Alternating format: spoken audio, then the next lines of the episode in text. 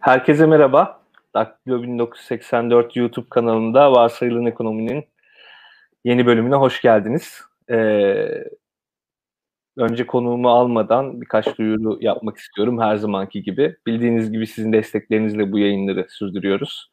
Onun için Patreon'dan bizi desteklemeyi unutmayın. Videonun altında Patreon linkimiz var. Bizi çok mesut edersiniz ve e, sitemize de girmeyi unutmayın. Belki sitemizden haberiniz yoktur. Çok güzel yazılar yayınlıyoruz. Müthiş röportajlar çıkıyor. E, bugün arkadaşlar e, Cambridge Üniversitesi'nden Özge Öner konuğum. E, kendisi aslında üniversiteden arkadaşım sayılır. İşte Marmara mezunuyuz ikimiz de. Tabii sonra o çok farklı bir yöne doğru gitti. E, bugün konuşacağımız konu aslında şehirler ve ekonomileri diye bir başlık koyduk ama yani bundan çok daha fazlasını konuşacağımızı düşünüyorum. Çünkü Özge çok e, bilgili ve dolu bir insan ve ona benim de bir sürü sorularım var. Aynı zamanda siz de sorularınızla yayınımızı zenginleştirirseniz e, çok çok memnun oluruz. E, şimdi Özge'yi yayına alıyorum ve yavaş yavaş başlıyoruz. Merhaba Özge. Merhaba Enes'cim, merhaba. Ee, en başta şeyi hani seni kısaca bir tanıtmak istiyorum aslında. Ee, 2019'da Genç Araştırmacı ödülünü almıştın. Ee, bu İsveç'te Stockholm'da Sanayi İktisadi Araştırmaları Enstitüsü diye çevirebiliriz sanırım. Çünkü e, İsveççesini söyleyemeyeceğim artık o, o kurumda çalışırken. Ee, aynı zamanda Cambridge'de Land Ekonomi bölümünde şu an öğretim üyesi olarak görev alıyorsun. Assistant Professor pozisyonda yanlış bilmiyorsam. Ee, şimdi e, ben seni uzun zamandır aslında rahatsız ediyorum, dürtüyorum. İşte Özge bize yazı yazar mısın? Özge işte programa seni çağırmak istiyorum vesaire diye. Bugün müsait oldun ve programıma geldin. Onun için çok çok teşekkür ederim. Ee, ve yani birçok insan için ilham verici bir durum olduğunu ve ilham verici biri olduğunu düşündüğüm için senin bu durum bunun da ilham verici olduğunu Estağfurullah. Çok keyif aldım senin konuk olmandan. Böyle uzunca bir girişle tekrardan hoş geldin diyeyim.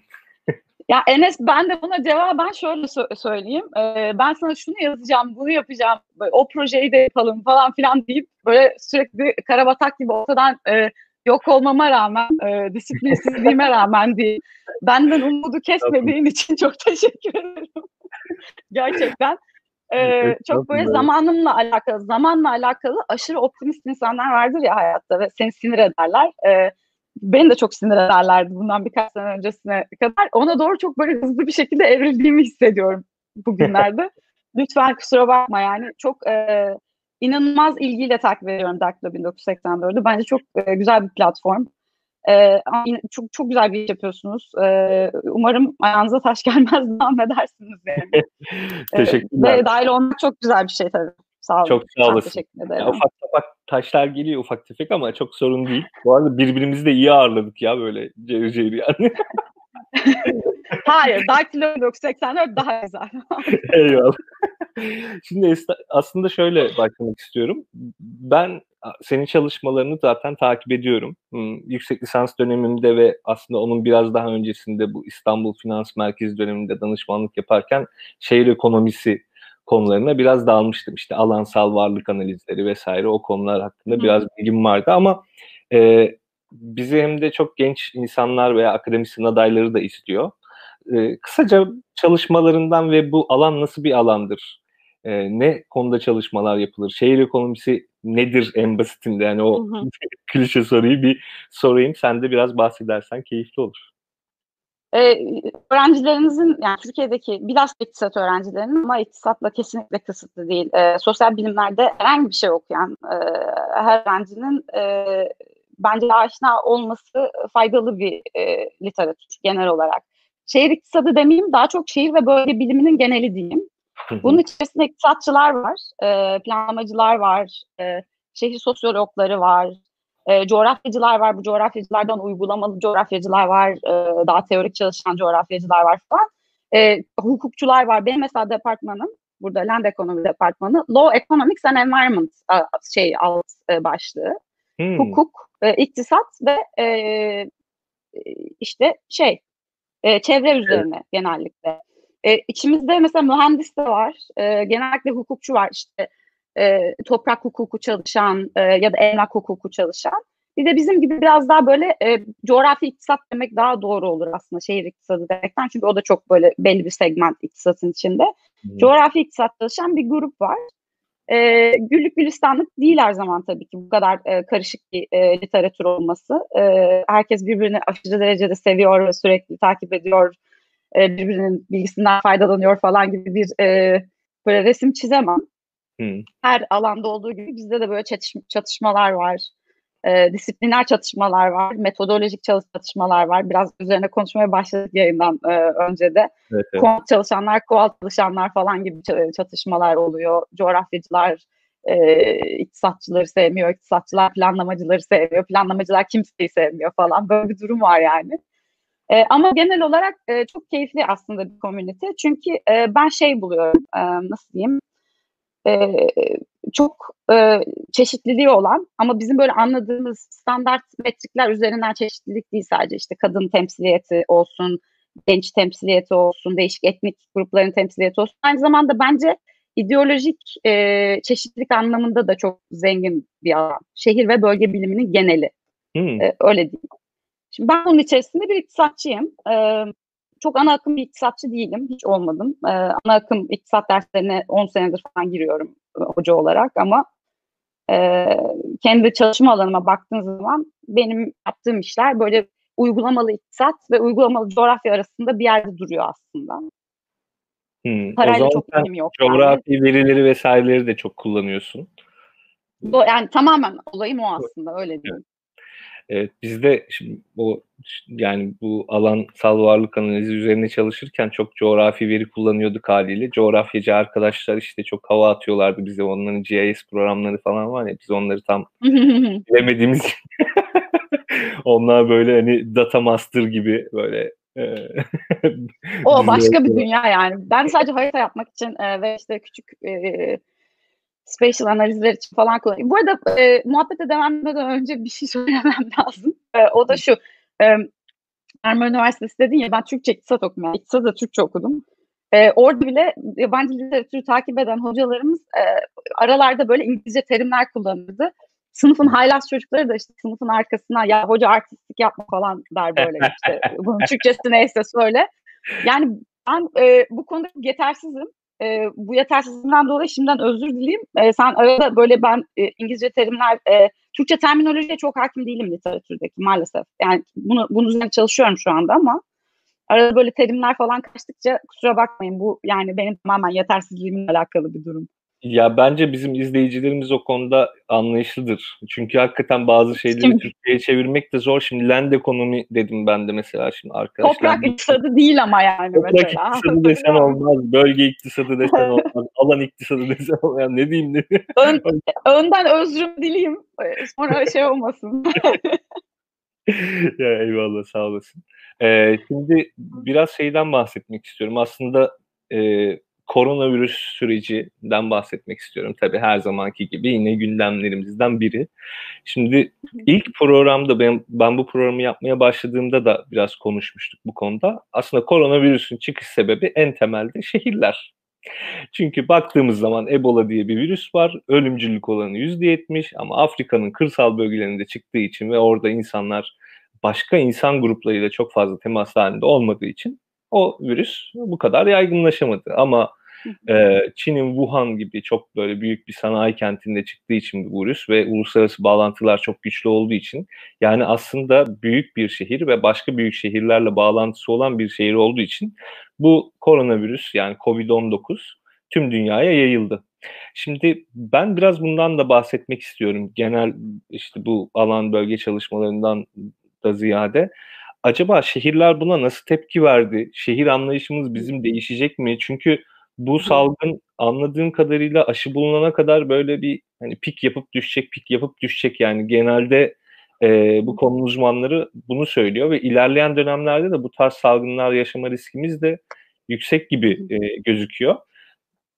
Şehirlerin bu gibi kriz hallerine cevabı nasıl oluyor sence? Sen nasıl görüyorsun? Hı hı. Bu tabii direkt çalışma alanı değil ama en azından bir yorum yaparsın diye sormak istedim. E, direkt çalışma alanım değil ama mesela işte şehir dersi verdiğiniz zaman hem pozitif dış, dışsallıklardan bahsediyorsun kümelenmeyle alakalı olarak ya da popülasyonun e, yoğun olarak bulunduğu yerlerle alakalı olarak. Hem de negatif dışsallıklardan bahsediyorsun. İşte bir negatif dışsallık dediğin noktada verilebilecek e, en büyük örnek artık herhalde önümüzdeki bir belki 20 sene falan boyunca derste falan da e, negatif dışsallık. Bu bir negatif dışsallık. Yani bu salgının ortaya çıkma şekli de yayılma şekli de e, şehirlerin senin de çok isabetli bir şekilde anlattığın gibi şehirlerin sadece e, niceliksel durumuyla alakalı değil aynı zamanda niteliksel durumuyla da alakalı bir şey. Yani ne kadar insan yaşadığıyla da sınırlı değil. Wuhan o yüzden çok e, enteresan bir örnek. Bunu e, politik doğrucu bir şekilde konuşmak mümkün. Birazcık böyle oradan e, seyrederek de konuşmak mümkün. Mesela Wuhan gibi e, benim Çin'den gelen öğrencim var. İki tane doktor öğrencim var şimdi oradalar falan. E, sürekli onlarla da konuşuyoruz. E, bu transition e, ekonomilerinde yani bir anda bir yerden bir yere e, çok hızlı geçiş yapan ekonomilerde hala büyük çok büyük şehirlerde ve yani hiç Avrupa'da hatta Amerika'da bile göremeyeceğimiz insan yoğunluğunun e, bulunduğu şehirlerde hala kırsala dair çok ciddi anlamda niceliksel şeylere rastlıyoruz. Mesela hmm. hayvan marketleri gibi.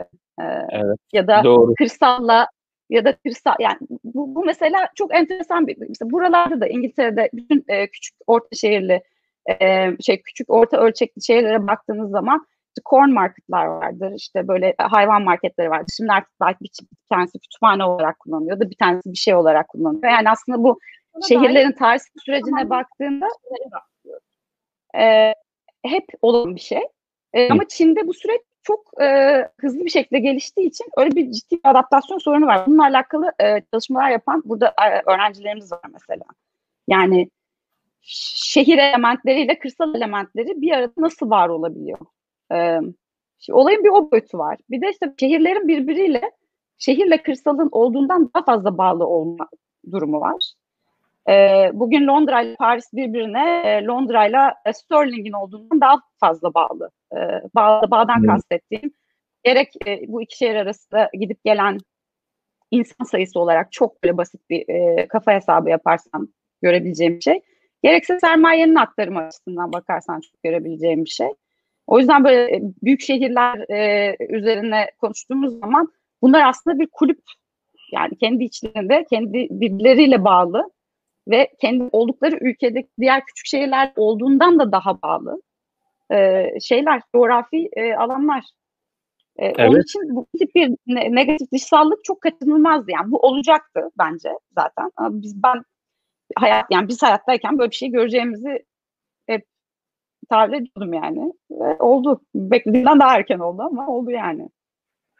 Yani enteresan hakikaten. Doğru aslında. Ee, yani sosyologlar da işte Türkiye'de bu kent çalışmalarına bayağı ilgi gösteriyorlar aslında. Onların da bahsettiği bir şeydir bu işte. Hep büyük şehir insanları aslında.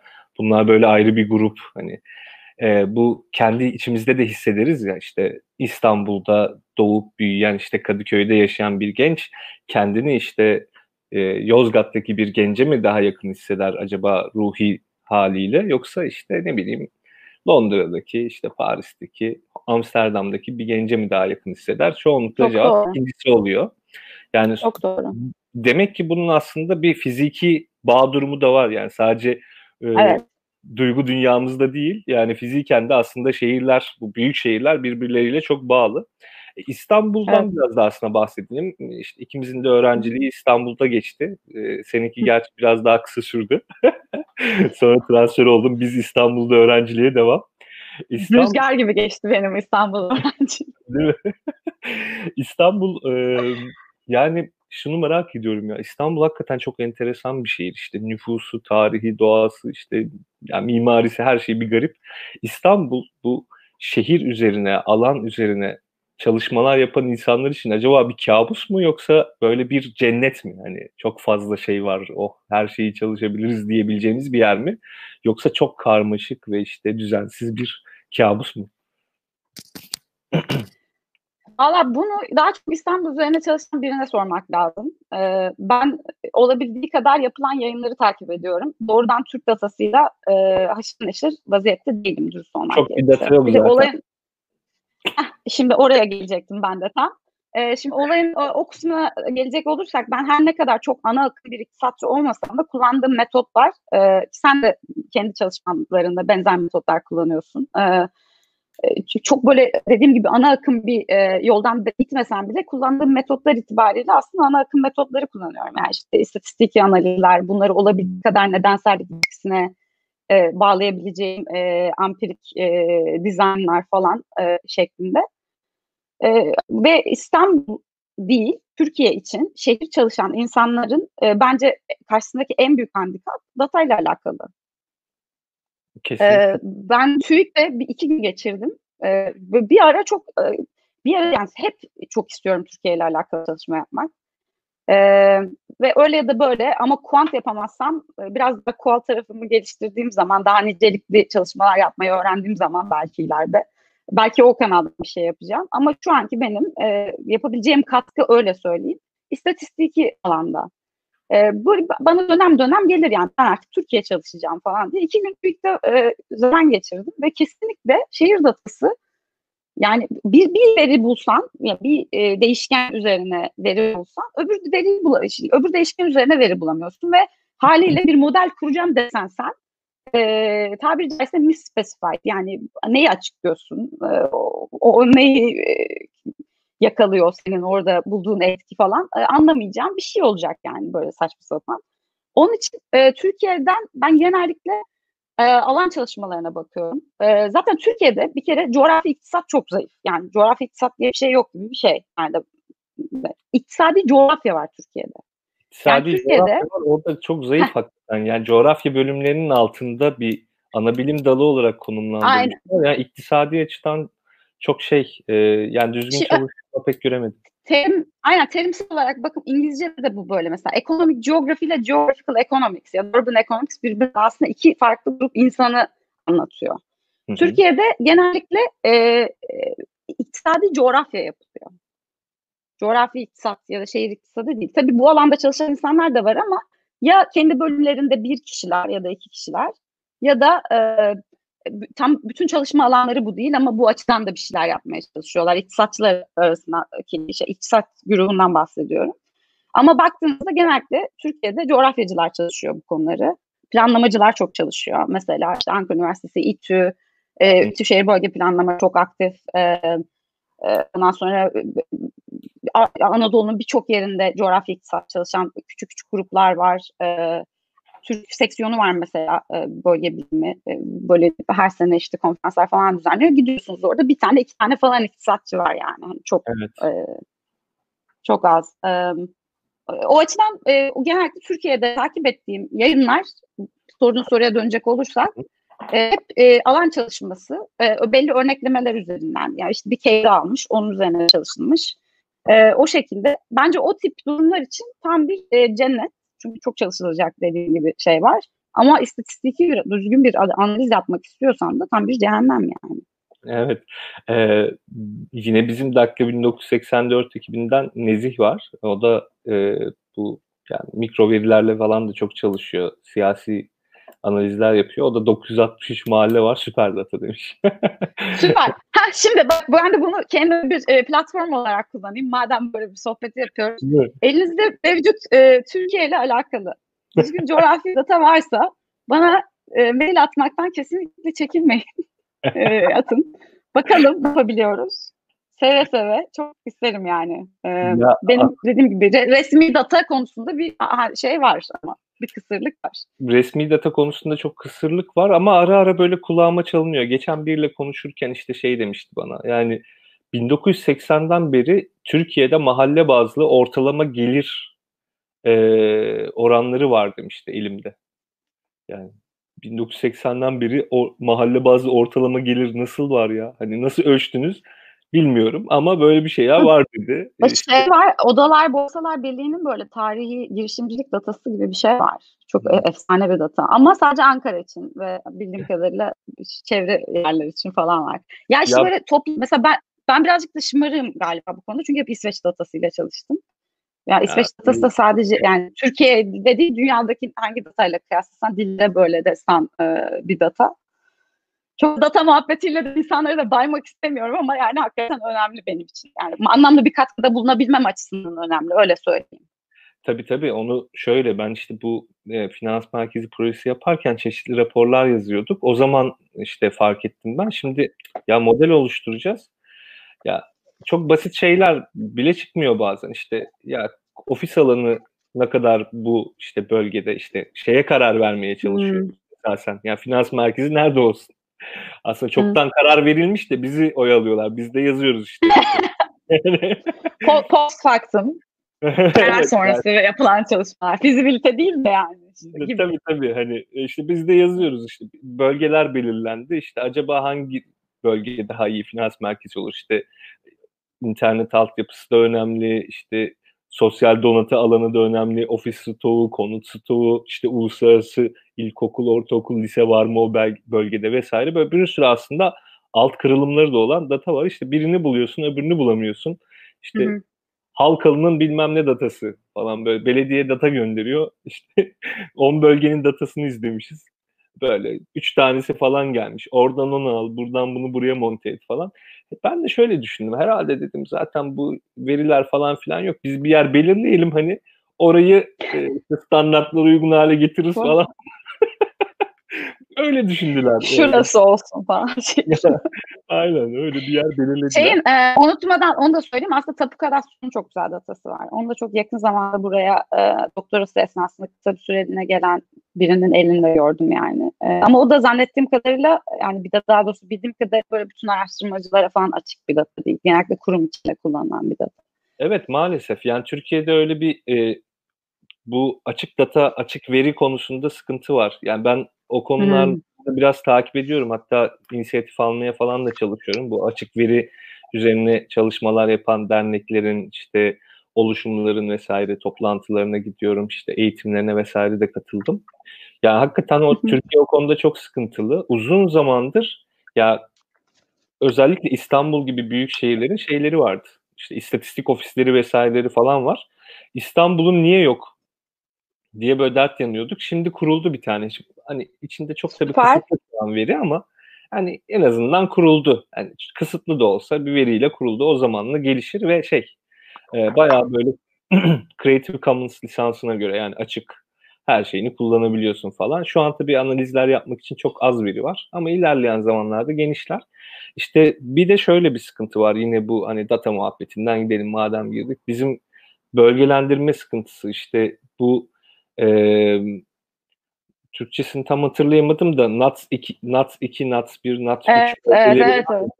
Avrupa Birliği standart üzerinden. evet Avrupa Birliği işte Eurostat'ın Avrupa Birliği İstatistik Ofisi'nin e, belirlediği bölgeler var. Bizde aslında o küçük bölgelere ilişkin istatistikler ya yok ya da çok az. Yani e, sadece tek başına şehirlerin bile istatistiği olmuyor bazen. Hani sadece NATS 2 ya, işte 26 bölge. Bu NATS 2 çok çok kötü bir data değil. Şu açıdan iyi oldu o standartizasyon. Yok, iyi tabii yani hiç çok genelinde. E, territory çalış, çalışan insanlar, e, e, ondan sonra işte ticaret çalışan insanlar bilhassa, e, ticari linkleri çalışan, ticari bağlı çalışan insanlar için çok anlamlı bir coğrafi düzlem. Yani diğer bir mevzu da bu aslında. Yani benim e, üzerine çalıştığım 15 tane konu varsa böyle baksa birisi mesela ya bu insan ne üzerine çalışıyor diye bir şey anlamayabilir benim mesela Google Scholar'ıma falan. Parakende de var, girişimcilik de var, evet. Brexit de var, e, efendime söyleyeyim göç de var, et, etnik anklavlar da var. Ama aslında temelde benim en çok ilgilendiğim tarafı bu işin hep şey oldu. Yani doktoraya başladığından hatta master'dan beri öyle söyleyeyim. Ee, bir soruyu soruyoruz mesela. Sosyal bilimler genelinde konuşalım. İktisat özelinde de bir örnek bulabiliriz beraber şimdi bir soru soruyoruz yani bu niye böyle olur ya da bu, bu böyle mi olur diye. Şimdi benim direkt aklıma nerede yani bu nerede hangi coğrafi düzlem için soruyoruz biz bu soruyu diye geliyor. İstihdam için bir şey söyleyeceksek şehir çok küçük bölgeye bakmak lazım. Etnik anklavlar için bir şey söyleyeceksek şehir çok büyük mahalleye bakmak lazım. Ee, bir parakendecinin, küçük bir işletmecinin e, daha doğrusu e, başarısını e, o, o işletmenin lokasyonuyla ilişkilendirmek istiyorsak mahalle bile çok büyük. Orada bloğa bakmak lazım, sokağa bakmak lazım.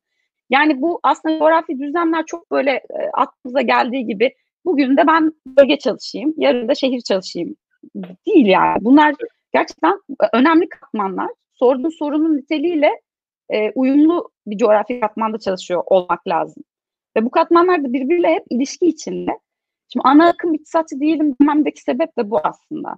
Ee, sen şeyi sordun, Urban Economics Association üyesi misin diye sordun. Evet üyesiyim. Orada da gidiyorum, sunumumu yapıyorum. İşte oradaki insanları da tanıyorum. Ama ben daha bölge bilimine yakınım. Yani işte içinde bu planlamacıların, coğrafyacıların vesairenin de olduğu daha e, interdisipliner, multidisipliner diyeyim daha doğrusu hı hı. E, alanın e, içindeyim. Bunun sebebi de biz böyle yani biz diyorum yani bizim komünite hiçbir zaman için bir alanı alıp ben buna bakacağım demez yani. Hep onun etrafında ne var? Onun içinde oturduğu coğrafi düzen ilişkisi nasıl? Bizim mesela bir bölge bölgesel hiyerarşi dediğimiz bir kavram var. Bölge kendi içinde hiyerarşisi olan bir şey işte. Mahalle, mahallenin dahil olduğu alan, o alanın dahil olduğu şehir, o şehrin dahil olduğu bölge. Bunlar birbiriyle nasıl hiyerarşik bir etkileşim içinde? Bunu mesela daha senin e, bahsettiğin gibi kualitatif çalışan insanlar da var. Ben bunu daha kuantitatif çalışmaya çalışıyorum mesela. E, ama normal standart iktisat urban economics literatürüne baktığın zaman hep bir sıfırdır. Böyle dik- dikotonus e, tanımlanır. Şehir, kırsal, merkez, e, çevre e, falan şeklinde. Yani e, o açıdan benim için en önemli olan şey nerede, nerede oluyor? Bu bahsedilen hadise nerede e, cereyan ediyor? Hangi coğrafi düzlemde? Mahallede mi, sokakta mı, e, şehirde mi, bölgede mi? E, yani çok ilgimi çekiyor değişik coğrafi düzlemler üzerine düşünmek. Kesinlikle ya. Aslında sosyologların bu e, yaptığı bu kent çalışmaları şeylerini falan hakikaten ben o noktada çok önemsiyorum. Yani ben çok faydalandım. Çok. O noktada. Yani işte bu kasaba çok. muhabbetleri falan da vardır ya hani ne Tamam evet, evet. kırsal ne şehir. İşte aslında bazı şehirlerimizin yaşadığı işte fenomenler e, sosyo sosyologlar çok ciddi açıklamalar getiriyor. Oradan da e, yani çok ciddi böyle ekonomik çıkart çıkarımlar vesaire yapmamıza e, neden oluyor. E, şimdi biraz da şeyden bahsedelim. Şehir sosyolojisine de buradan selam ediyorum. Değil mi? Bir selam yani. Yani. Öyle. E, biz disiplinler arası çalışan insanlar olarak yani tüm sosyal bilimcileri evet. böyle e, bağrımıza basıyoruz. Aynen, aynen. Ben de şimdi davranışsal iktisat çalışıyorum. Böyle psikologlar işte arkadaşlarım, canlarım falan. Hep öyle standart. Aynen, ee, aynen. Belki şeyden biraz bahsedebiliriz aslında. Hmm, sen tabii dedin hani Türkiye üzerine çok çalışmadın. Ama hmm, biraz ben sana sormak istiyorum ben yorumlarını almak için. Ee, bu arada saçların hakikaten ahenkle dans ediyor Özge. Rüzgar yaptı. Kusura bakmayın burada 27 dereceydi bugün ve bina e, söylemesi 200-300 senelik bir bina dışarısı 27 derecesi içerisi 47 derece dışarısı 10 derecesi içerisi 3 derece falan yani. Bina kesinlikle e, vasfı, hiçbir vasfı yok bina olmasının. Sokakta da kalabilirsin yani izolasyon açısından. Değil mi ya? Normal söylerler tarihi binalar serin olur diye. Benim ofiste öyle bir şey. Yani hiç de serin değil yani bayağı bildiğin sıcak oluyor. Taş binaların serin olduğu algısı yanlış arkadaşlar. Bayağı içeri... Tamamen yanlış. Ee, eski bina romantizmi bırakın arkadaşlar. Bakın buradan size bunu da söylüyorum. Evet bir şehir e, işte bölge çalışmaları yani, yapan e, bir akademisyen olarak önerdiğin şey. Üç, üç hafta hayır hocam. Evet tabii bu işin esprisi. Eski binalar canımızdır. Ama şey yani dışarısı sıcak, ev daha sıcak, dışarısı soğuksa ev daha soğuk. Bu gerçekten İngiltere'nin e, altyapıyla alakalı genel bir sıkıntısı var. Bunu yaşayanlar çok iyi biliyordur eminim. Bunun için yani kusura bakmayın gerçekten biraz. Estağfurullah. Yok biz çok keyif alıyoruz. Sen öyle yapmaya devam edin. Burada ya, şey ya. efektler, özel efektlerle falan devam eder. Değil mi ya? Program zenginleş. Arkadaşlar yani prodüksiyona para harcıyoruz. Boş değiliz. Affedersiniz. Ee, şimdi biraz daha işte konuya doğru dönmek istiyorum. Ee, bu şehir ekonomisi çalışmalarından genellikle bahsettin, bölgesel çalışmalardan genellikle bahsettin. Aslında yine bizim arkadaşlarımızdan birisi Ataberk. Ataberk güzel bir vurgu yapmış. Ee, network ilk başta bahsettiğimiz konuyla ilgili yani bu büyük şehirlerin bağlantılarını aslında onları network daha iyi bir açıklama olabilir demiş. Hakikaten son dönemlerde de bakıyorum Türkiye'de de bayağı yaygınlaştı network çalışmaları e, yapanlar. Ee, senin o yönde çalışmaların var mı bu şehirler arası, bölgeler arası? Dediğin biraz önce çünkü ticaret, turizmden bahsetmiştin. Hatta bu genç araştırmacı ödülünü aldığın çalıştırman da sanırım e, benzer bir şeydi. Yani turizmle ilgiliydi yanlış hatırlamıyorsam da yine o bölgesel bir şeydi. Ee, o, o alan nasıl gelişmeye müsait mi? Yani böyle network çalışmaları. Arkadaşın adını hatırlatır mısın bir daha? Ataberk. Ataberk çok numara e, bir yerden yani tam böyle gözünden e, vurmuş. Evet yani aslında her şey bazen explicit böyle çok dışı yani vurgulayarak üzerine bazen de böyle alt metninde zaten hep bu bağlantılar üzerinden ilerliyor yaptığımız çalışmalar. Benim için en azından öyle oldu. Çünkü benim tez danışmanım transportation e, yani e, ulaşım iktisatçısı zaten her şeyden önce. Yani bütün hadisesi onun hep e, nere, nereyle nasıl bağlı üzerineydi. Bu e, network literatürü son dönemde birazcık daha e, şaha kalktı öyle söyleyeyim. Bunun da ben temeldeki sebebi şu. Data çok daha iyi artık son 10-15 senedir. Mikrodata çok iyi. Bunlar genellikle geocoded yani co- coğrafi kodlaması çok daha yapılmış e, koordinatlı falan datalar değil mi? E, ve bunları zaman içerisinde de takip edebiliyorsun. Bir de bizim e, şey çok arttı. E, computational power çok arttı. Yani normalde sen atıyorum elinde bir regresyon kartıyla bizden bir önceki jenerasyon bir süper bilgisayar vardıysa işte e, onun başında bekliyorduysan şimdi oturuyorsun evinde kanepenin üzerinde milyonlarca datayı proses edebiliyorsun yani. Bunun da tabii etkisi oldu bu network literatürünün bu kadar e, bence revaçta olmasının e, Doğru çok büyük panellerle ee, çalışıyorlar çünkü. Tabii tabii. Evet. Ya benim bile yapma, ben ki e, data konusunda kendimi hep yet, biraz kısıtlı yeterlilikte bulurum öyle söyleyeyim. Ee, yani en az e, gözlem sayım e, 5 milyon, 10 milyon falan yani. E, bunu düşünsene bir 10 sene önceki bilgisayarını düşün ve bunu nasıl proses edeceğini düşün. Yani aslında sorduğun sorunun niteliğini de e, onu cevap verebilme niteliğini de belirliyor. Birazcık tersten aslında bakmak gerekirse bu hadiseye. Evet, e, evet. Network literatürü o açıdan çok önemli ama e, networkler aslında bizim alanın e, çıkış noktasına baktığın zaman Fontünen, işte Alman okuluna e, gidelim işte Fontünen, Christian Loş gibi birazcık böyle şaibeli e, karakterler bazıları bunun içinde ama Fontünen işte böyle toprağı alan olan bir adam. Tam e, Veblen'in bahsettiği leisure class, zamanı çok, parası çok, e, oturuyor işte gözlem yapıyor yani ürünler nerelerde üretiliyor, nereye gidiyor, e, o ürünler ne sıklıkta tüketiliyor ve buna göre aslında şehir merkezinde olan uzaklıklarını nasıl anlayabiliriz falan gibi böyle sözlü, rakamsal falan olmayan bir teori geliştiriyor. Buna bir central place theory diyoruz. Hmm. Ki bu e, merkezi e, yerler teorisi diye geçiyor. E, bunu mesela arkeologlar çok sever ve kullanırlar. Eğer varsa arkeolog şu anda dinleyenimizi e, onlar hemen şey yapacaklardı mesela işte bir e, e, tarihi bir yerleşkeye bak, baktığında merkezi olduğunu bildiğim bir yerleşkeye ve bir tane de böyle çevre yerleşke varsa o, o aynı network'ün içerisinde e, diğerlerinin nerede olduğuna dair fikir yürütmekte falan kullanılabiliyor yani. Böyle de prediktif e, tahmin yürütmeye müsaade eden bir gücü de var bu e, bahsettiğim teorinin. Yani network hadisesi e, uzun lafı kısası 1800'lerin e, sonundan beri aslında literatürün çok temelinde olan bir şey. Büyük şehirler var. Büyük şehirler birbirlerine bağlılar. Bunların etrafında daha küçük kasabalar var. Bu büyük şehirler, bu kasabalar da birbirlerine bağlılar ama bunlar böyle birbirlerine e, bağlı oldukları kanallar tamamen boş alanlar değil. Bunların içerisinde de insanların genellikle konaklama için kullandıkları, residential sebeplerle kullandıkları diyelim şeyler var. Böyle başka alanlar var. Baktığında e, arı petekleri gibi e, hatta şey, heksagonlar üzerindelerler. E, çok e, planlamayla müdahale edilmemiş şehirlerin biz genellikle bu şekilde geliştiğini görüyoruz ve fraktallar şeklinde e, matematikteki fraktallar gibi. Yani şimdi şehrin bütününe bakıyorsun, şehrin bir şekli var. E, zoom ediyorsun içine, mahalleye bakıyorsun, şehrin şekline çok benzer bir şekil görüyorsun orada. Ona bir derece daha zoom ediyorsun, ona gene çok benzer bir şekil görüyorsun. Bu çok böyle sonradan yaratılmış, planlanmış şehirler için geçerli değil tabii ki ama tarihi şehirler için çok tutan da bir aslında model.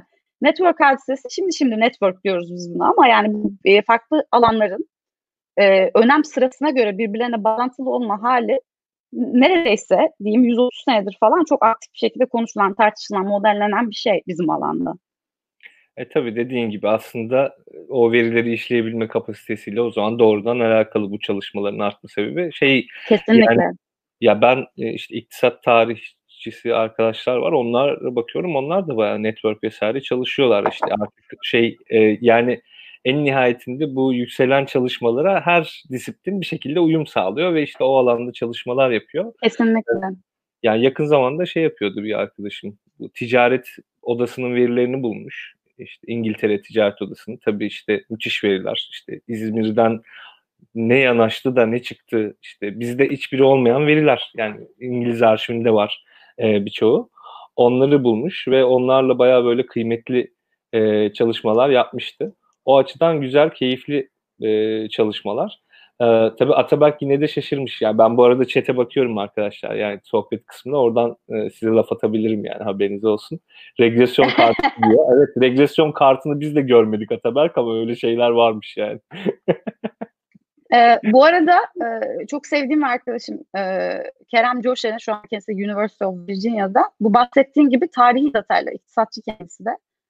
E, şey Ali e, Hortaç, Kerem Coşar, e, Gorko Baramovic, Thomas Chain'in e, QG'de yani Quarterly Journal of Economics'te yayınlanmış Trade Merchants and the Lost Cities of the Bronze Age diye bir makaleleri var mesela. Böyle hmm. gravity bahsettiğimiz tarzda böyle bir e, gravity e, şeyle e, bakış açısıyla çok güzel bir analiz yapıyorlar. E, As Assyrian, e, Asuri e, ticaret yollarına dair. E, mesela orada da senin söylediğin gibi tam iktisat tarihiyle e, biz ana akım iktisatın böyle bir araya nasıl gelebileceğinin mükemmel bir örneği bence yani. Böyle derste falan da öğrencilerime assign ettiğim bir şey.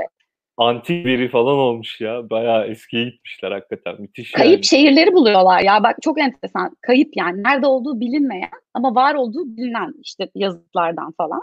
Şehirlerin yerini e, istatistiki olarak şey yapıyorlar. Estimate ediyorlar. Yani çok acayip bir şey değil mi? Yani gerçekten acayip. Ya günümüzde de işte arkadaşlar aslında bu alan şöyle çok önemli. Yani bir kere yapacağınız kamu yatırımı yani özellikle büyük bir yatırımsa nerede daha verimli olacak, nerede daha verimsiz olacak, nereye yaparsak daha kolay olur falan. Bunlara kolaylıkla yani karar verebilmeniz için işte kullanabileceğiniz en önemli araçlar. Yani bu işte elinizdeki coğrafi veri, iktisadi veri, sosyoekonomik veri vesaire bunların hepsi çok önem arz ediyor. Tabii Türkiye'de ne kadar kullanılıyor bilmiyorum yani şey açısından hani kamu sektörü ne kadar kullanıyor bilmiyorum ama e, en azından biraz önceki finans merkezi tecrübemi anlattığım e, şekliyle dinlediyseniz çok da aşırı böyle e, sıkı bir şekilde takip edilen bir metodoloji olarak herhalde çok kullanılmıyor. Ya umarım kullanılır. E, bilemiyorum. Belki şeyden biraz bahsedebiliriz. Yine bu ben biraz koronavirüs sürecine dönmek istiyorum. E, hı hı.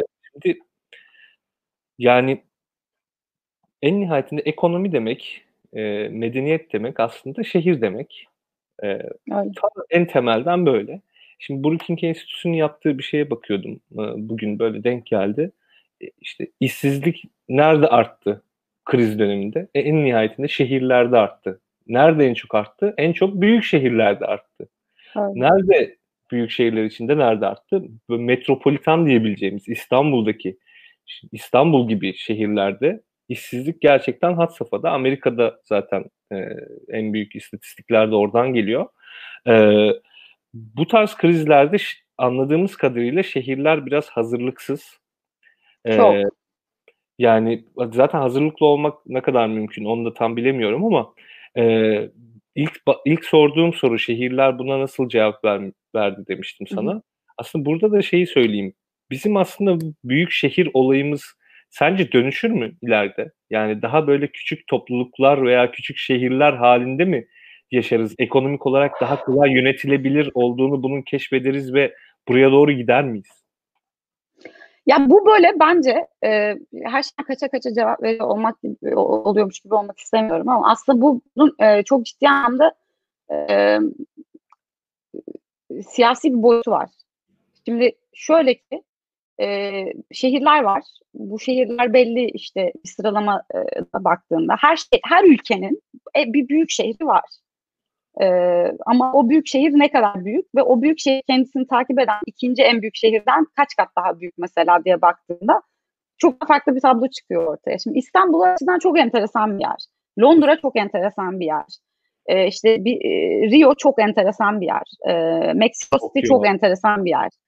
Bunlar bizim primate city dediğimiz yani tek başına aslında bir ülke gibi. Tamam mı? Bunu çıkarsan ülke coğrafyasının içinden e, abstrakt bir şekilde kendi başına da böyle neredeyse e, idame ettirebilecek. Eğer dışarıyla bir ticari bağı varsa çünkü buralarda tarım yok. Şeyin e, o tarımsal e, ticareti yapabileceğini varsayarak konuşuyorum şu anda tabii ki. E, yani et, ekonomik niceliği açısından neredeyse bir ülke gibi bunlar. E, ve o şehirleri çıkardığınız zaman ülkenin tamamında da ülkenin geri kalan şehirlerinin yarattığı tablo da ülkeye dair bambaşka bir tablo baktığında. Şimdi bu e, doğal süreçlerle oluşan bir şey değil. Yani bir şehrin bu kadar büyümesi, bu kadar kompleks bir yapıya sahip olması için planlamayla alakalı çok ciddi hamleler atılmış. Bir takım e, insentiflerin verilmiş olması lazım. E, normalde. Yani biz en azından bunu görüyoruz. Şimdi çok büyük şehirleri e, görece sağlam popülasyonu olmasına rağmen e, daha böyle e, matematiksel olarak anlamlı bir e, sıralamaya sahip işte en büyük şehri ikinci büyük şehrinden iki kat daha büyük, üçüncü büyük şehrinden üç kat daha büyük falan diye böyle tam rank size distribution dediğimiz hadiseye hmm. sahip de bir sürü ülke var mesela. Şimdi soruyorsun bu ülkelerde niye atıyorum popülasyonun üçte biri bir yerde değil? Yani bu niye oralar bu kadar e, kümelenmemiş diye baktığın zaman e, ben şey diye düşünüyorum yani İstanbul örneğinde de aynı şeyi görüyoruz. Londra örneğinde de aynı şeyi görüyoruz. Kümelenme hadisesinin tek e, anlamlı e, değişkeni olarak baktıkları şey, yani insanlar buraya talep gösterdiği sürece burası e, büyümeye muktedir bir yer diye düşünerek e, şey alanını genişletemeseler de işte şehrin genel alanını e, yukarıya doğru büyüyerek yeri geldiğinde, yeri geldiğinde e, horizontal bir şekilde genişleyerek büyüyerek bu şehirler büyüdü de büyüdü de büyüdü yani. Ama idari şekline baktığın zaman yani olayın siyasi boyutu derken kastettiğim şey bu. Hı hı. E, idare edildiği şekle baktığın zaman onda hiçbir değişiklik görmüyorsun. Yani daha doğrusu ufak tefek değişiklikler var tamam mı? Yani atıyorum 1970'lerdeki Londra'nın idaresi eminim bugünkü Londra'nın idaresi ya da 1970'lerdeki İstanbul'un idaresi ile bugünkü İstanbul idaresi şehir olarak aynı değildir. Ama e, popülasyondaki değişimi oranladığın zaman kurumsal değişim çok marjinal bir değişim. Yani çok küçük bir değişim e, baktığında. E, şehir büyüdükçe e, ya tıpkı bir ülke gibi oldukça diyeyim, tıpkı İstanbul gibi orada yerelin de içindeki yerel idarelerin e, fonksiyonları daha fazla önem kazanmaya başlıyor aslında bakacak olursan. Ve bence bu kriz sürecinde e, Türkiye, yani bunu söylemeye inanamıyorum ama e, şehirlerin e, verdiği tepkiler açısından atıyorum bir İngiltere'ye, bir İsveç, benim çok aykina olduğum iki ülke bunlar. Ee, İsveç vatandaşıyım zaten. Yani gençliğimin çok ciddi bir kısmı orada geçti. Daha iki sene önce buraya geldim.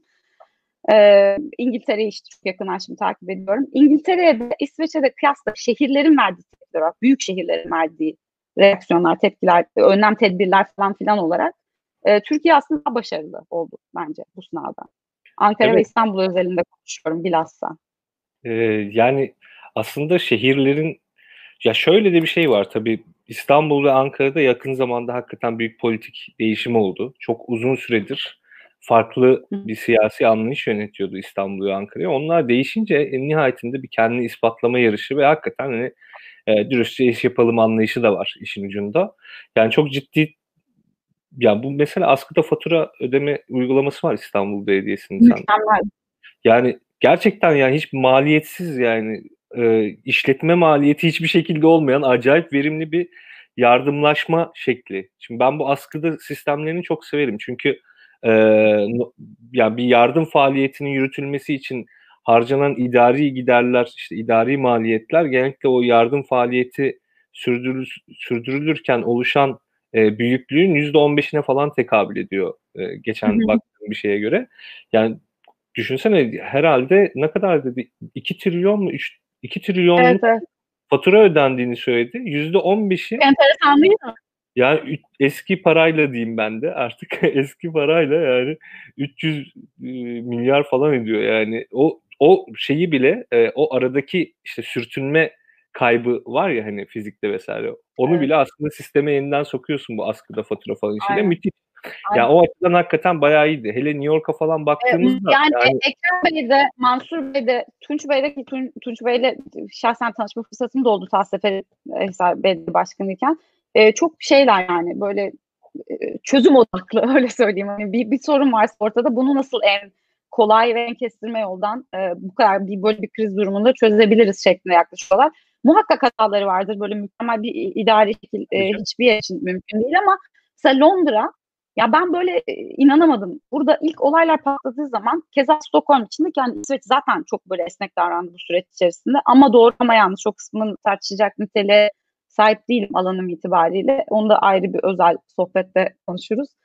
Ee, ama Stockholm'e de bakıyorum, e, Londra'ya da bakıyorum mesela ve böyle e, saçımızı başımızı yolduk biz burada toprak ekonomisi departmanında diyeyim, ben de ekonomi departmanında.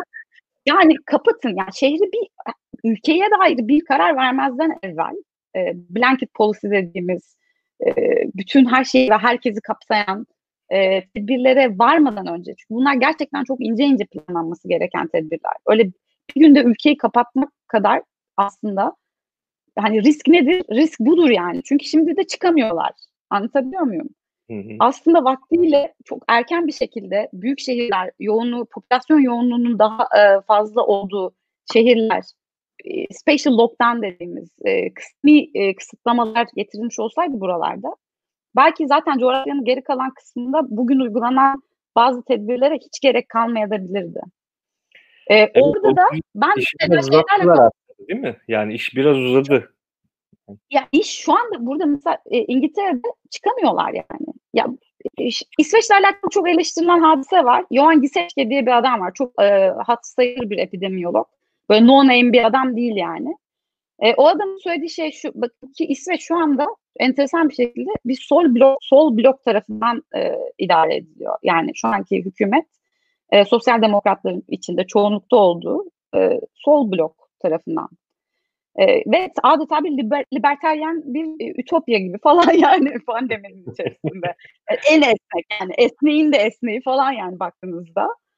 Ee, bu nasıl oluyor diye düşünüyorsunuz. Burada aslında dilden dolayı da bence İsveç'in doğru ifade edemediği e, ki ben İsveç'teki şu mevcut hükümetle hiç anlaşamam. E, köşemde falan da çok fazla eleştiririm onları birçok konuda. Ama bu konuda çok e, mantıklı buldum. Çünkü adamlar şey dediler yani bir şey uygulayacaksak eğer, bütün ülkeyi kapatacaksak bundan nasıl çıkacağımıza dair de güzel bir planımızın olması lazım. E, tabii zaten ee, hep şu an o değil? İngiltere parası olmuş durumda gerçekten. Ya strateji zaten stratejinin yani çok büyük bir kılımı, kısmı çıkış planı değil midir? Yani çıkış stratejisi nedir? Yani nasıl çıkacağız bir şey yaparken? Ama işte orada ne kadar proaktifsin, ne kadar reaktifsin. Olay onu bakıyor. Burada tamamen reaktif. Ee, birazcık da işte İngiltere için konuşmak gerekirse e, e, Brexit'ten dolayı hali hazırda küskün olan kesimi biraz e, gönlünü hoş tutmak için falan bir anda mesela ülkeyi kapattılar ama aslında Londra özelinde çok fazla bir şey yapılmadı. Diğer taraftan ben İstanbul'u gözlemledim bu süreç içerisinde. Ankara'yı gözlemledim. Hep çok efektif. Ee, yani böyle merkezi idareyle de çatışa çatışa e, gerçekten şehir özelinde, mahalle özelinde e, yerel idareler çok etkin bir şekilde kullanıldı diye düşünüyorum. Tabii ki daha etkin bir şekilde kullanılabilirdi. Belki de kullanılabileceği bir gelecek de var. Ama bir adeta örnek gibi alınıp incelenilebilecek e, bence başarıda diye düşünüyorum yani. Kesinlikle ve çok uğraştılar aslında. Hani şehri en azından yani bir müddet kapatmak için e, hem İstanbul Belediyesi hem İzmir hem Ankara yani merkezi hükümetle bayağı çatıştı. Yani çok uzun süre kapatmadı. Evet.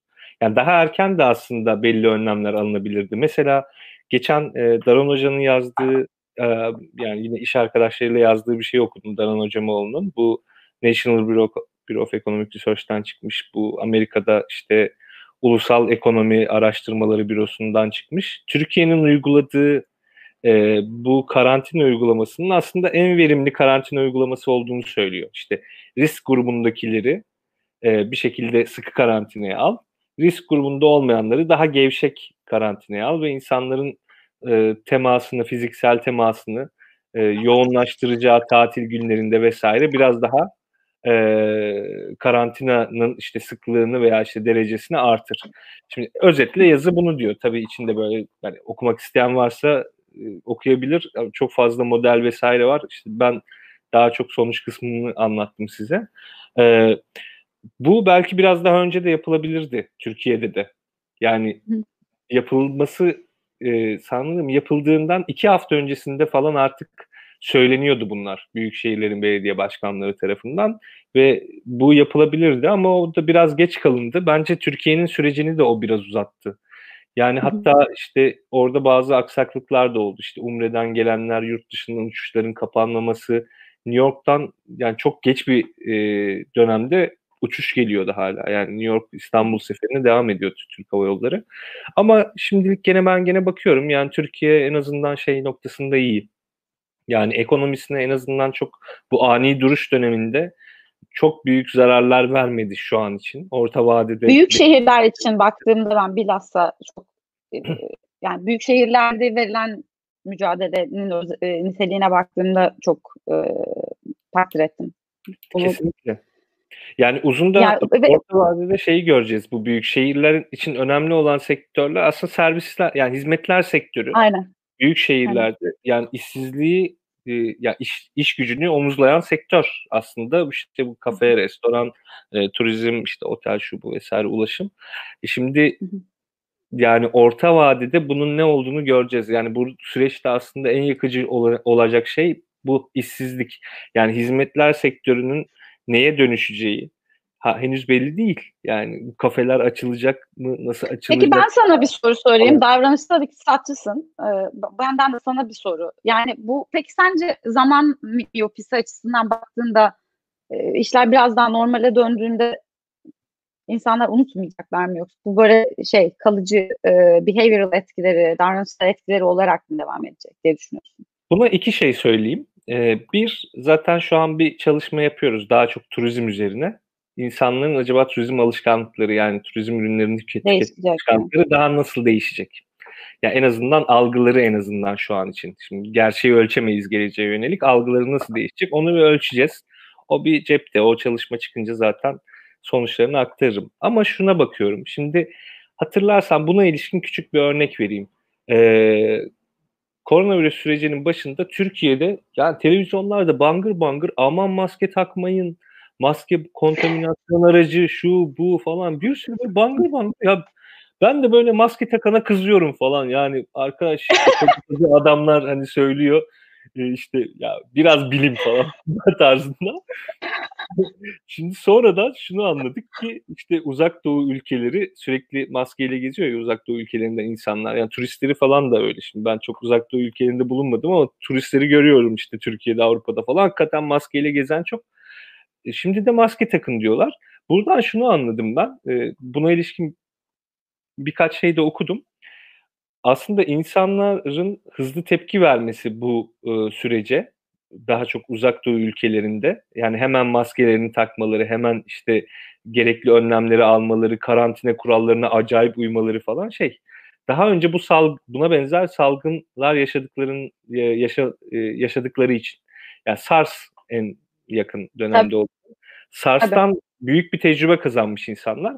Şimdi oradan ona baktığımda şu çıkart, çıkarımı yapabiliyorum. Demek ki hani Türkiye'de de ya da işte o SARS salgını çok ciddi bir şekilde yaşamayan, MERS salgını ciddi bir şekilde yaşamayan ülkelerde de o uzak doğudaki bilinç e, en azından davranış kalıbı belli bir noktada oluşur gibime geliyor. Ama tabii en nihayetinde bunu e, zaman gösterecek. Çünkü şeyi öngöremeyiz. Yani şu an sadece ölçmeye çalıştığımızda insanların geleceğe ilişkin düşüncelerini ölçebiliyoruz ve ben işte işte anekdotal gözlemlerle bir şeyler, bir çıkarım yapıyorum. İleride bunu göreceğiz ama şunu en azından öngörebiliyoruz. Ee, yani yavaş yavaş açılmaya başlayan ekonomilerde de şöyle bir şey var. İşte kafelerdir, şudur budur, restorandır. En azından eskisi kadar yoğun bir popülasyon olmayacak içerilerde. Yok. Dış mekanlar daha çok tercih edilecek. Hatta işte, bak senin mesela, şey var. Şimdi bak mesela dış mekanların Bağ bahçe tarla fiyatları 3 katına çıkmış Eskişehir'de. İnanılır gibi. Ya Eskişehir'de de buralarda falan da mesela bahçeli evler bir anda böyle e, şey yaptı. E, ben sürekli emlak fiyatlarını falan da takip ediyorum tamamen profesyonel ilgiden dolayı yani çok da aşırı yatırım yapacak param var sürekli emlak bakıyorum falan gibi anlaşılmaz. Ee, gerçekten bahçe ya bu hedonik model dediğimiz bir hadise var ya yani işte apartmanın yaşına bakarsın, altyapısına bakarsın falan. Bahçenin bir anda önemi o kadar arttı ki. Ee, o, o konuda şeyim yok yani şüphem yok. Ama e, kamusal alanların kullanıma açılması yani daha aktif bir şekilde kullanılması hadisesi e, kesinlikle gündeme gelecek. Ve burada da ben açıkçası çok ciddi çatışmalar bekliyorum. Şu açıdan çok ciddi. Çünkü ben bu konuda çok böyle keskin çok keskin e, şeyim yok, bir fikrim yok. Henüz daha o fikrimi daha şöyle söyleyeyim. Bu konuyla alakalı yani kamusal alanın ne şekilde kullanılacağına dair e, Corvit sonrası e, süreçte e, nasıl ne şekilde kullanılması gerektiğine dair çok keskin bir fikrim yok henüz. E, hala düşünüyorum, okuyorum, anlamaya çalışıyorum. Ama bence çok ciddi bir çatışma olacak. O çatışma da şu. Şimdi küçük işletmeler olsun, e, orta ölçekli işletmeler olsun e, bu sosyal mesafeleme kurallarına uyabilmeleri için mevcut e, işte binaların ya da kapalı alanların onlara sağladıkları imkanın bir nebze dışına çıkmak durumunda kalacaklar. Bu da e, aslında mülkiyetine, mülkiyetine, mülkiyet hakkına sahip olmadıkları, e, kiralamadıkları alanları da hmm. kendi iktisadi faaliyetleri için kullanabilmeleri anlamına geliyor. Şimdi şehir buna izin verse bir dert, buna izin vermese başka bir dert. Orada e, bence çok böyle bilimsel bir münazara şeklinde ilerleyeceğini düşünmüyorum ben bunu. Yani işte akademisyenlerin falan da içinde olduğu bunun e, cost benefit hesaplarının yapıldığı e, işte bunu böyle yaparsak ne kazanırız ne kaybederiz falan diye ince ince böyle metriklerle üzerine e, düşünülecek konuşulacak bir şey olmayacak. Tamamen e, işte democratization ne kadar demokratik bir e, hadise olur bu durum. E, bazıları bunu çok e, isabetli bir uygulama olarak görecek. Bazıları çok isabetli bir uygulama olarak görmeyecek. Orada da çok ciddi bir çatışma olacağını düşünüyorum ben. Doğru katılıyorum. Yani bunu şeyden bile görebiliriz aslında işte Bay Nevizade'de masalar kaldırıldı. Kadıköy'de yani, e, aynen. metreye çekildi. Yok bir buçuk metre oldu vesaire. Yani e, bu açık alan durumu aslında şunu göster bu aslında tam olarak davranışsal iktisatla ve psikolojiyle ilgili bir durum hakikaten. Değil yani. mi? Yani senin içeride 10 kişi olman veya dışarıda 20 kişi böyle kucak kucağa olman arasında neredeyse bir fark yok. Hani e, hastalığı bulaştırma vesaire falan filan açısından. En nihayetinde aranda işte bir buçuk iki metre mesafe olması lazım vesaire. Ama insanlar tabii hep şey hani açık hava işte virüs havada durmuyor vesaire ve oradan Dışarı... kendilerince bir çıkarım yapıyorlar ve oradan bir davranış kalıbı geçirecek, geliştirecekler. E, büyük ihtimal bu e, bağ bahçe fiyatları daha kolay kolay düşmez yani. Hayır ben e, şey için söylüyorum. E, tutum çalışıyoruz dedim mesela. Kar marjları o kadar düşük ki bu işletmelerin. Yani burada ben e, e, e, hemen hemen neredeyse restoranların tamamı etnik e, kökenli e, İngiliz olmayan insanlar tarafından işletiyor. Hep konuşurum ederim. Yani tamamen ölçek ekonomisi üzerinden, tamamen sürüm üzerinden zaten hayatta kalabilen e, işletmeler bunlar. Bunlara sosyal mesafeleme kuralını getirdiğim noktada bunu, bu insanlara yani bu zaten sürekli o işletmelerle hayatta kalma mücadelesi veren insanlara bir alan da göstermen gerekecek. Ya diyeceksin bu sokağı kullanabilirsin ya bu bahçeyi parkı kullanabilirsin. E, orada da şimdi e, senin Nevzade örneğin çok güzel bir örnek. E, yani kamusal alan e, ne olacak? Sorusu devreye giriyor. Yani ben sokakta yürüyemiyorum çünkü neden? İşletmeler masalarını atmışlar. E, diyen de bir kesim vardı. Hayır bu e, işte gece hayatına ve özgürlüklere getirilen bir kısıt diyen de bir kesim vardı orada mesela böyle aslında çok hemfikir olacağını beklediğim e, iki kesimin çok çatıştığını hatırlıyorum ben yanlış hatırlamıyorsam. E, Doğru, öyle değil mi? Doğru. Yani çünkü orada bir öyle bir şey olacak burada da. Ya yaptığın her şey bir dışsallık yaratacak. Yani en nihayetinde. Kesinlikle o dışsallığı nasıl çözeceksin? Şimdi çok çözümü kolay işler değil. Onun için burada en herhalde mantıklı çözüm daha fazla şeffaflık, işte daha fazla katılımcılık, yönetişimin geliştirilmesi vesaire gibi duruyor. Çünkü herkesi memnun eden bir çözümün çıkmayacağı kesin bu noktada. Ee, onun için bizim herhalde önerimiz en çok o olabilir. Yani katılımcılığı, şeffaflığı ve yönetişim sistemlerinizi geliştirin. E, ve artık insanlar neye karar vereceğini kendisi size iletsin. Yani en nihayetinde çözümü olabilir. Vallahi zaman zamanımız kalmadı biliyorum ama buna ilaveten tekrar Evet. İstanbul ve vesaire örneğine, korona örneğine de dönerek bir şey eklemek istiyorum bu söylediğine. Ben ezelden evvelden beri e, yerel idarelerin birazcık daha otonom olması gerektiğine inanıyorum. Bu sadece Türkiye özelinde değil. E, merkezi ya hatta mümkünse merkezi idare şehirlerle alakalı kısma çok fazla girmemeli bence. Olabildiği kadar yerelde, olabildiği kadar yerelde çözülmeli bunlar. Bu açıdan da dilerim e, şu an Türkiye'de bu işte o yerel otonomiyi zorlayan e, e, damardan akan kan diyeyim devam etsin yani. Heyecanla takip ediyorum. Yani evet sen heyecanla takip ediyorsun. Biz de heyecanla içinde yaşıyoruz. Bakalım sonuç nereye gidecek. Ya çok Yollar keyifli açılsın direkt olur. geliyorum da yani. Vallahi gel ya gel gel. Keyifli olur. Hani en azından şeyi gözlemleriz. Kalmıyor Kadıköy'de evren. e, Kadıköy'de e, bu e, meyhanelerin falan alanları ne olmuş? İşte rakıcılar dışarı mı taşmış falan bir bakarız bir Enes. Enes yazılacak bir makale var orada bence. Ee, böyle behavioral, e, şey, davranışsal iktisat, coğrafi iktisat arasında bir şey. Bunu Tamam. konuşalım. Ama yani direkt gözlemleyerek hani e, konuşalım yani. Alan saha çalışması yapalım. Bir. Daha çalışmasıyla. Önce bir e, masa masa gezerek baka- bakmak. Daha sonrasında da toplamak lazım. Kesinlikle. Doğru. İnşallah. Evet, teşekkür ederim Özge katıldığın için. Ben teşekkür ederim. Şu ana kadarki en çok herhalde e, karşılıklı muhabbet ettiğim program oldu. Daha çok böyle soru sorma üzerine kurulu bir şey yapıyordum. Onun için yani beni de e, heyecanlandırdı senin düşüncelerin ve konuşmaların. Çok sağ olasın ya katkıların. Eyvallah. Çok teşekkür ederim. Ben de bir işte dostla sohbet gibi oldu diye düşünüyorum. Bir dikkati çok çabuk dağılan bir insanım. Onun için eğer e, sorulara tam doğru cevapları veremediysem affola. E, ilgilenenler, bu alanla ilgilenenler, daha fazla bir şey öğrenmek isteyenler, e, bunu bir kendilerine akademik kariyer kanalı olarak düşünenler falan e, gerek e, e-mailim üzerinden, sosyal medyadan falan lütfen yazsınlar. E, datanın olmayışına yakınım varsa yazsınlar. o da yani. Bu arada videonun Ee, altında öyle. Özge'nin Twitter linki var. Oradan takip edebilirsiniz Özge'yi de. Hem orada e, ulaşım yani Özge'ye nasıl mail atabileceğinize ilişkin adres vesaire de var. Oradan bakabilirsiniz. Tekrar teşekkürler Özge katıldığın için.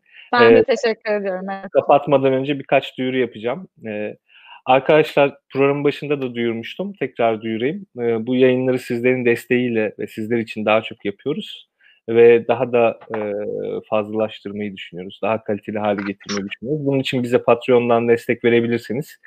Çok keyifli olur bizim için. Ee, Patreon linkimiz videonun altında var. Ee, hepinize izlediğiniz için çok teşekkür ediyorum. Ben bu programları her çarşamba saat 21.30'da yapıyorum. Ee, gelecek hafta da yapacağım ve e, ilerleyen haftalarda da yapacağım. Ee, kanalımıza da bu vesileyle abone olabilirseniz ve bildirimleri açabilirseniz bu yayınlardan daha kolay bir şekilde haberiniz olur. Tekrar çok teşekkürler katıldığınız için. Hoşçakalın.